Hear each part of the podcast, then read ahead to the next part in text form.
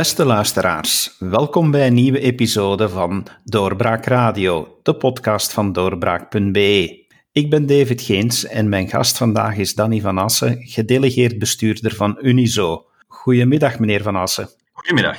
Meneer Van Assen, een eerste vraag voor u. Hoe is het nu eigenlijk met jullie leden gesteld? Kunnen zij de situatie momenteel nog de baas? Wel, dat is heel gevarieerd natuurlijk, maar over het algemeen is het uh, zeer slecht met uh, onze gemiddelde leden gesteld. Waarom? Als we kijken naar de cijfers van de Nationale Bank, waar dat de, de economische coronacrisis dan het zwaarste uh, een impact op heeft gehad, dan zit dat eigenlijk echt wel midscheeps in onze sectoren. Dan gaat dat over sectoren zoals horeca, toerisme, events, klein- en groothandel en bouw in afnemende volgorde. En dat zijn natuurlijk allemaal bij uitstek uh, KMO-sectoren, sectoren met veel zelfstandige ondernemers. Uh, dus we moeten zeggen dat het echt wel vooral uh, bij onze leden zit, bij onze ondernemers zit, dat de crisis in volle hevigheid slachtoffers maakt. En dus ja, het is, het is heel moeilijk. En hoe langer het duurt, hoe meer dat we ook voelen en vernemen dat de mensen op hun tandvlees zitten. Uh, laat ons zeggen dat helemaal in het begin van de crisis iedereen nog het meeste onder de indruk is van, uh, van ja, de, de gezondheidsproblematiek en, en de maatregelen die genomen moeten worden. Maar dat nu, zes, zeven weken later, ja, toch ook de economische paniek enorm begint toe te nemen. En vandaar ook dat het dringend tijd wordt dat we onze neuzen op, op de toekomst kunnen gaan zetten. Is het voor de ondernemers dan momenteel belangrijk dat ze zo snel mogelijk terug aan de slag kunnen om uh, terug uh, ja, financiële slagkracht te krijgen? Ja, de beste maatregel die je kan nemen om uh, economisch uh, er weer bovenop te komen, is natuurlijk te kunnen werken. Uh, laat ons zeggen dat, uh, dat de regeringen, hè, we moeten de regeringen zeggen, zowel de federale als de Vlaamse regering, in eerste instantie vrij goed hebben gereageerd om, laat ons zeggen, de eerst mogelijke kosten te gaan opvangen. Hè. De kosten van liquiditeit, dus de, het kunnen betalen van de, van, van de rekeningen, het, het voorzien van een, uh, van een inkomen voor ondernemers.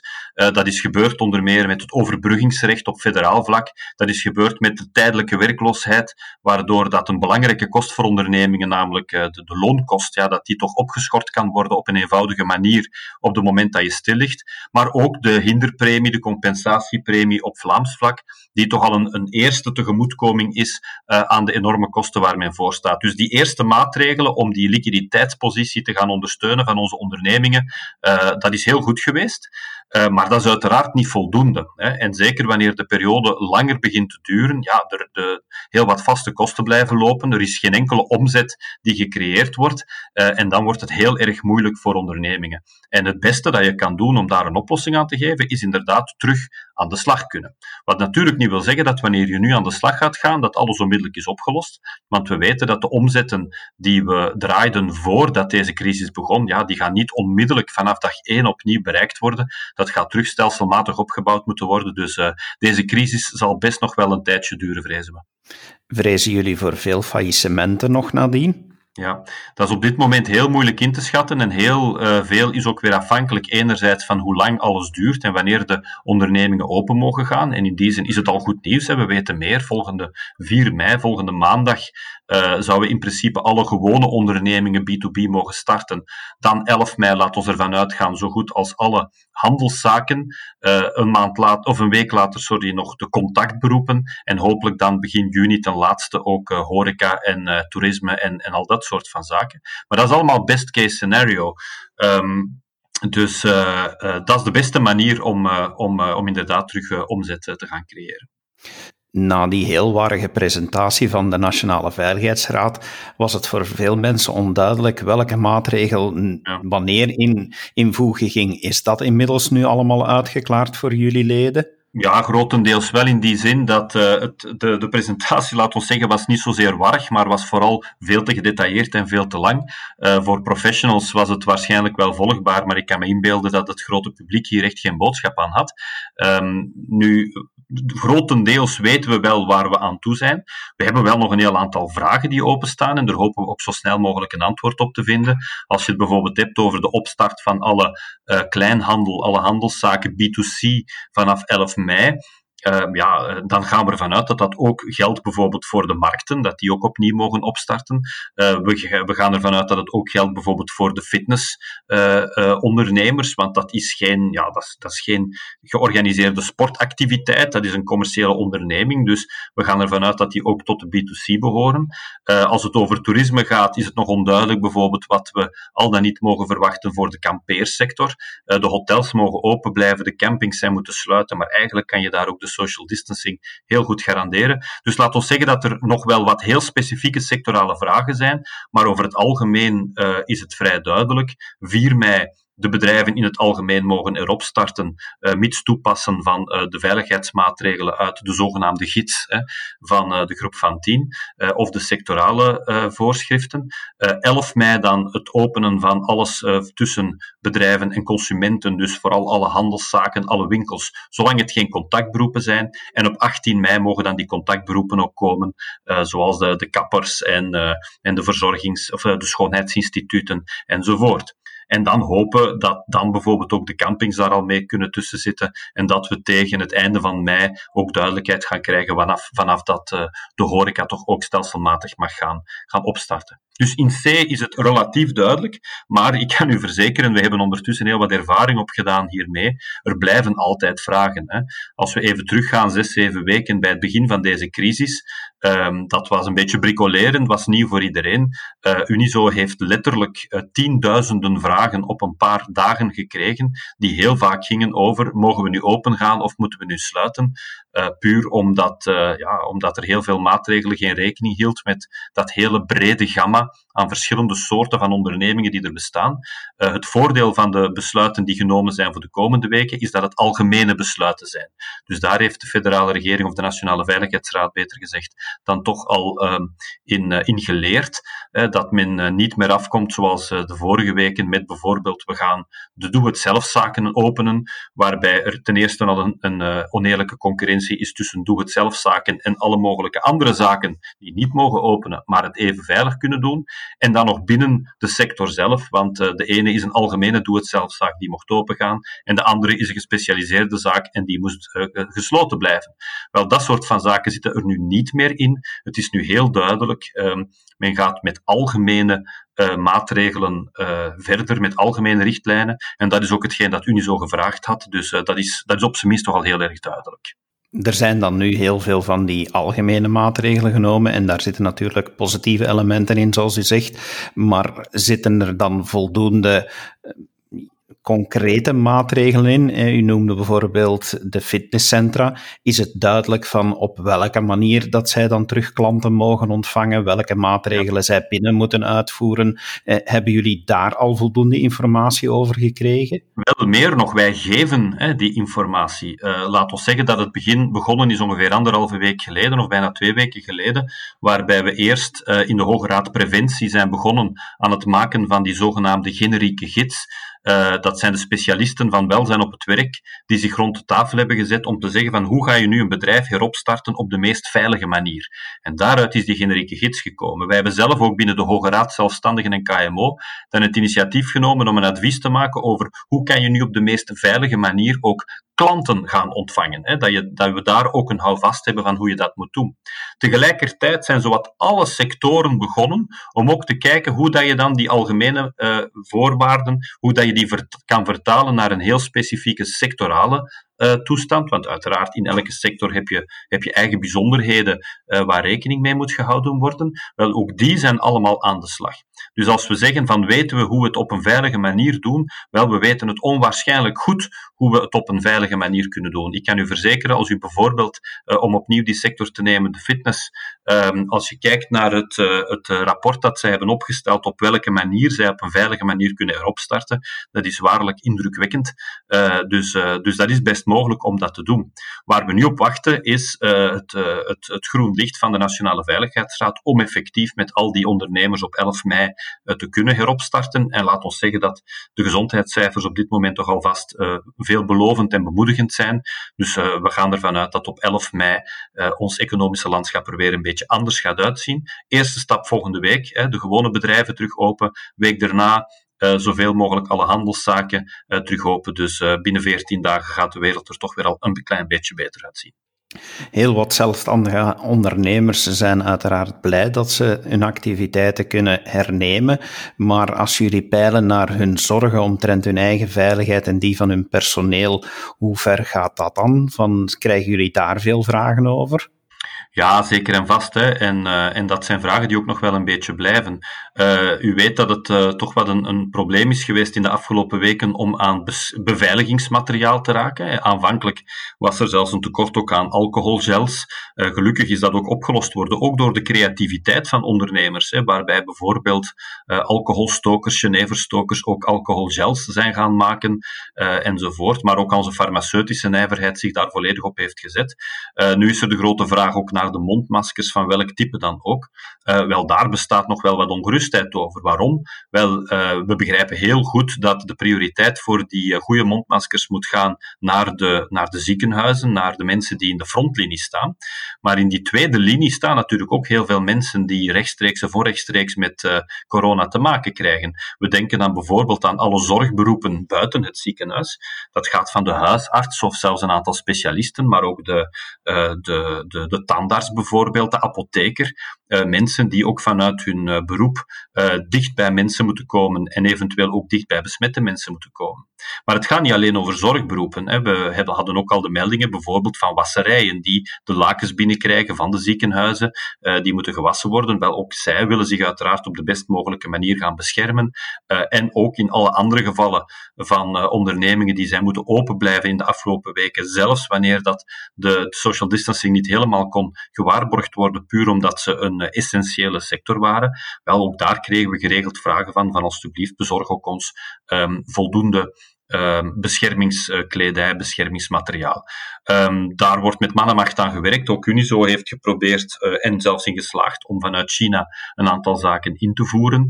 Um, uh, we weten dat de overheid daar nu ook druk mee bezig is. Dus uh, dat is iets wat toch zeker de komende dagen en weken in orde moet gebracht worden.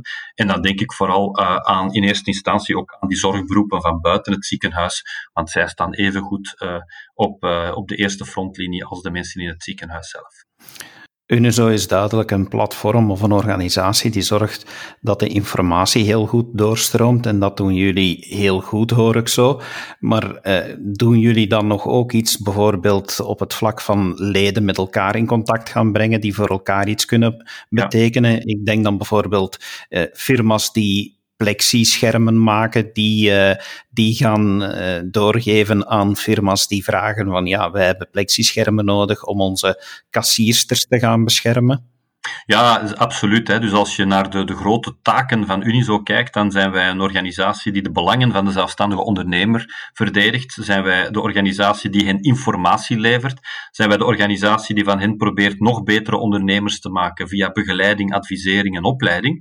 En onze vierde poot is het bij elkaar brengen van ondernemers. Trouwens, niet alleen uit commercieel belang, maar vooral ook omdat ondernemers elkaar begrijpen en elkaar kunnen ondersteunen, omdat ze hetzelfde meemaken.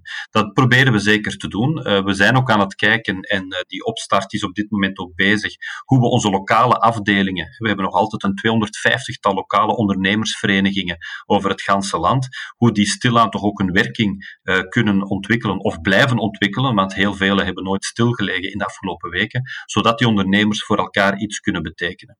Maar we proberen dat ook, onder, ook commercieel te doen. We hebben eigenlijk al een tweetal initiatieven genomen in de afgelopen weken. Het eerste was het verder brouwen op ons winkel winkelhieren. Hè.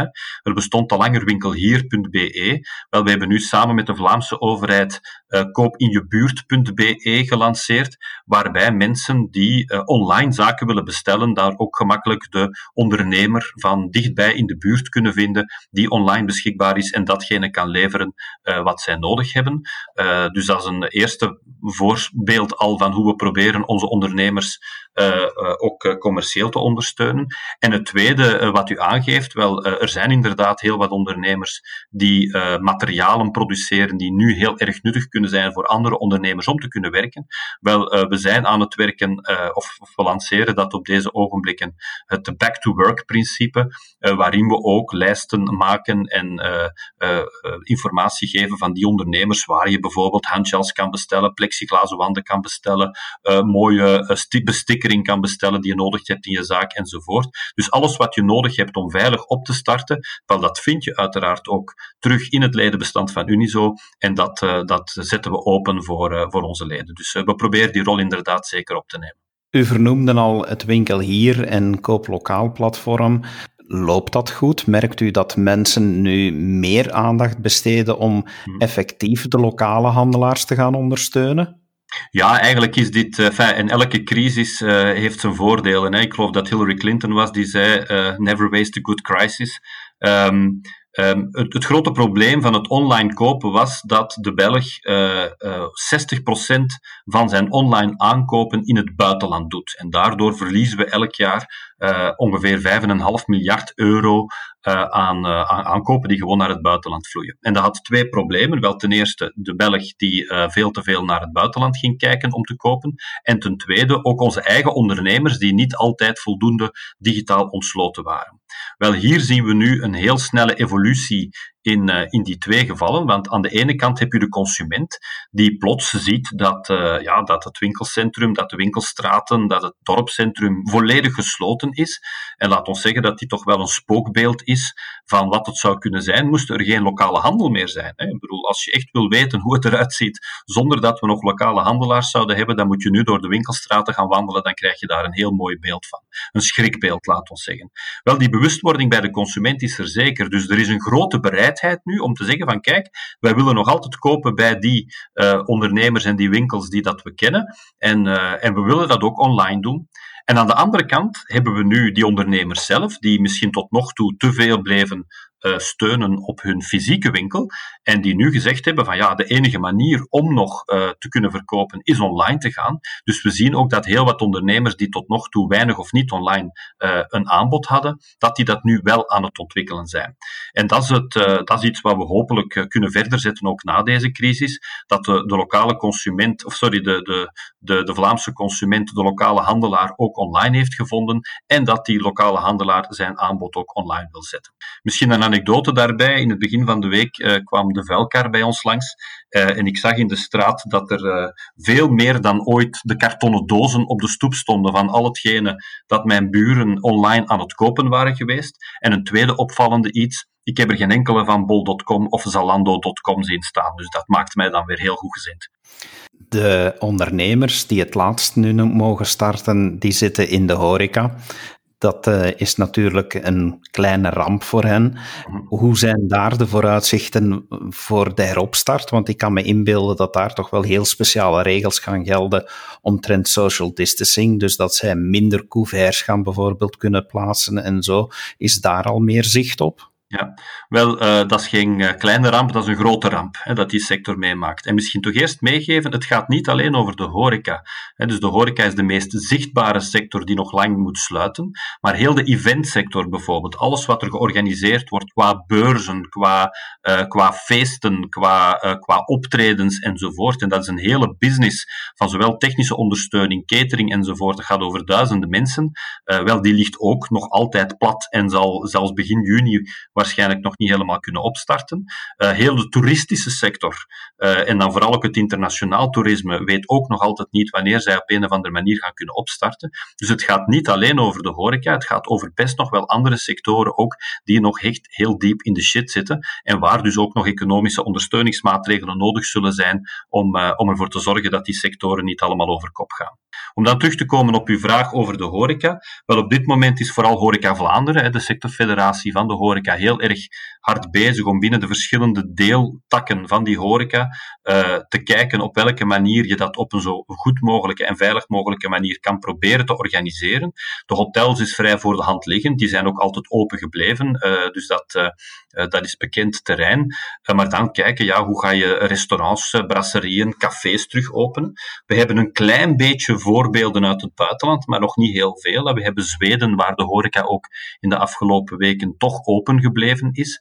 er zijn nu een aantal landen die stilaan gaan heropenen. We weten dat er in Frankrijk ook een grote taskforce is opgesteld om te kijken hoe restaurants en cafés kunnen opengaan. En bij ons wordt er dus ook hard aan gewerkt. Dus dat gaat binnen dit en, en een week, anderhalve week, gaan ook daar de, de protocols klaar liggen van hoe dat je de horeca op een veilige manier kan heropstarten, puur om klaar te zijn tot de Nationale Veiligheidsraad zegt van oké, onder die voorwaarden en op dat ogenblik is het mogelijk. Um, het feit dat die protocols er gaan liggen, gaat ook de geruststelling voor de Nationale Veiligheidsraad moeten geven om ook die sectoren te kunnen heropstarten. Dus laat ons hopen dat we daar snel uh, uh, resultaten in kunnen boeken en dat we ook daar die sector opnieuw een beetje hoop kunnen geven om omzet te beginnen draaien. Meneer Van Assen, u verwees al naar de steunmaatregelen die de diverse overheden in ons land heel snel hebben voorzien. Mhm. En dat dat goed was dat die heel snel voorzien waren, maar vinden de ondernemers hun weg daarin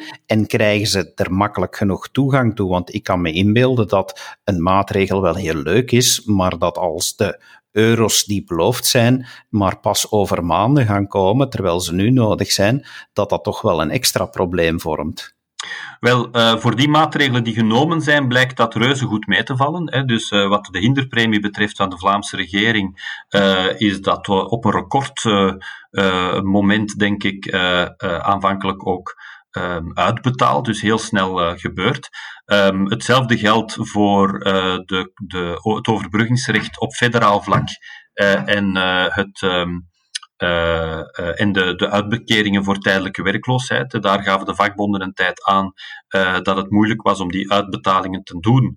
Um, maar uh, uiteindelijk is dat geld toch ook bij de mensen geraakt. Um, dus laat ons zeggen, de, de, het, het, logistieke, hè, de uitbetaling bij de, de ondernemers krijgen, dat, is toch, dat is toch wel gelukt, denk ik. ook omgekeerd, er zijn een heel aantal beslissingen genomen. Uitstel van, van, van belastingen, uitstel van sociale bijdragen. ook dat geeft uiteraard een, een heel belangrijke slok op de borrel. dat zijn geen kosten die weg zijn, die gaan ooit betaald moeten worden, maar ze moeten op dit moment niet betaald worden. Dus dat is belangrijk. Um, dan heb je de toegang op een andere manier, namelijk kan iedereen van die maatregelen genieten. En daar wordt het al een beetje moeilijker.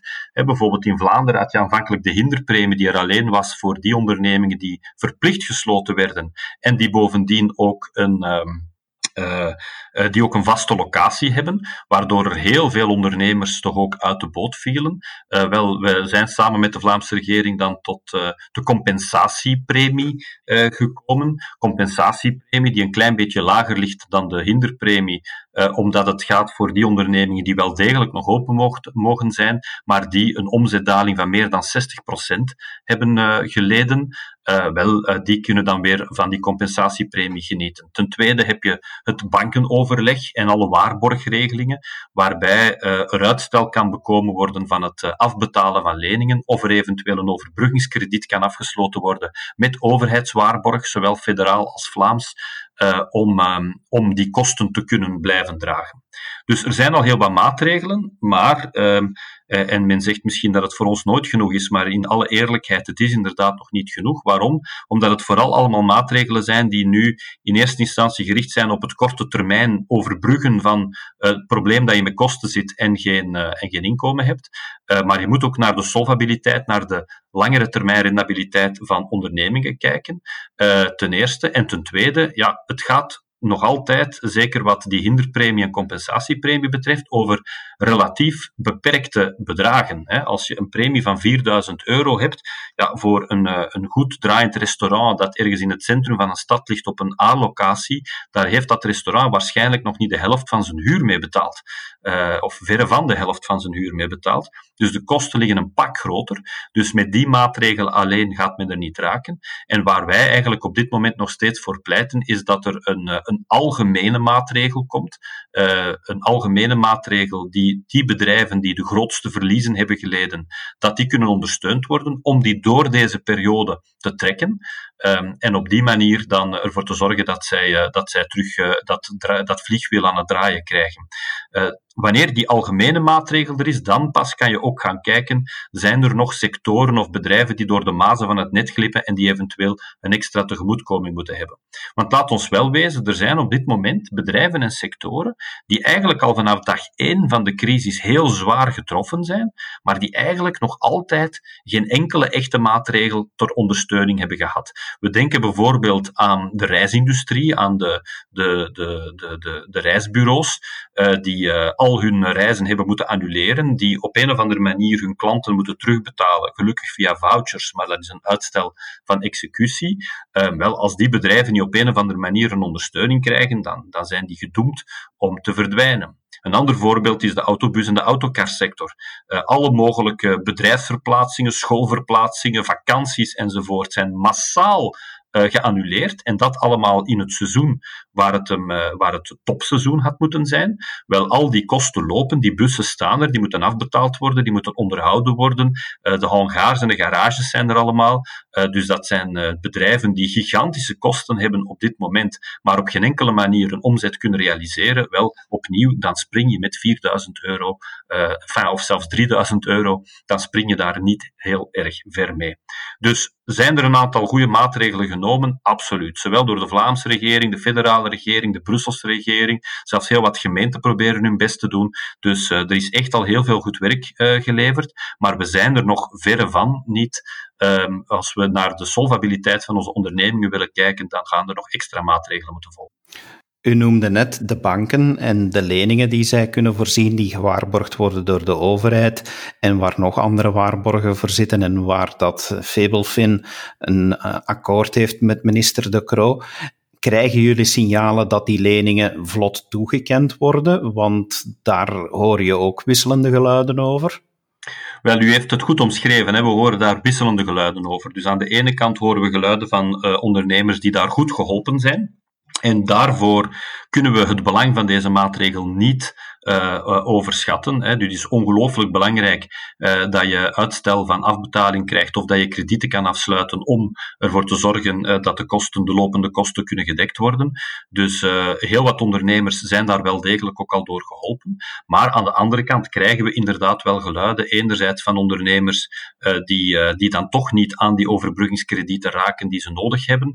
Ehm, enerzijds of anderzijds ondernemers die zeggen van de kosten die we moeten betalen om zo'n kredieten af te, uh, af te sluiten uh, zijn dermate hoog uh, dat, dat het heel moeilijk voor ons is om dat te gaan doen.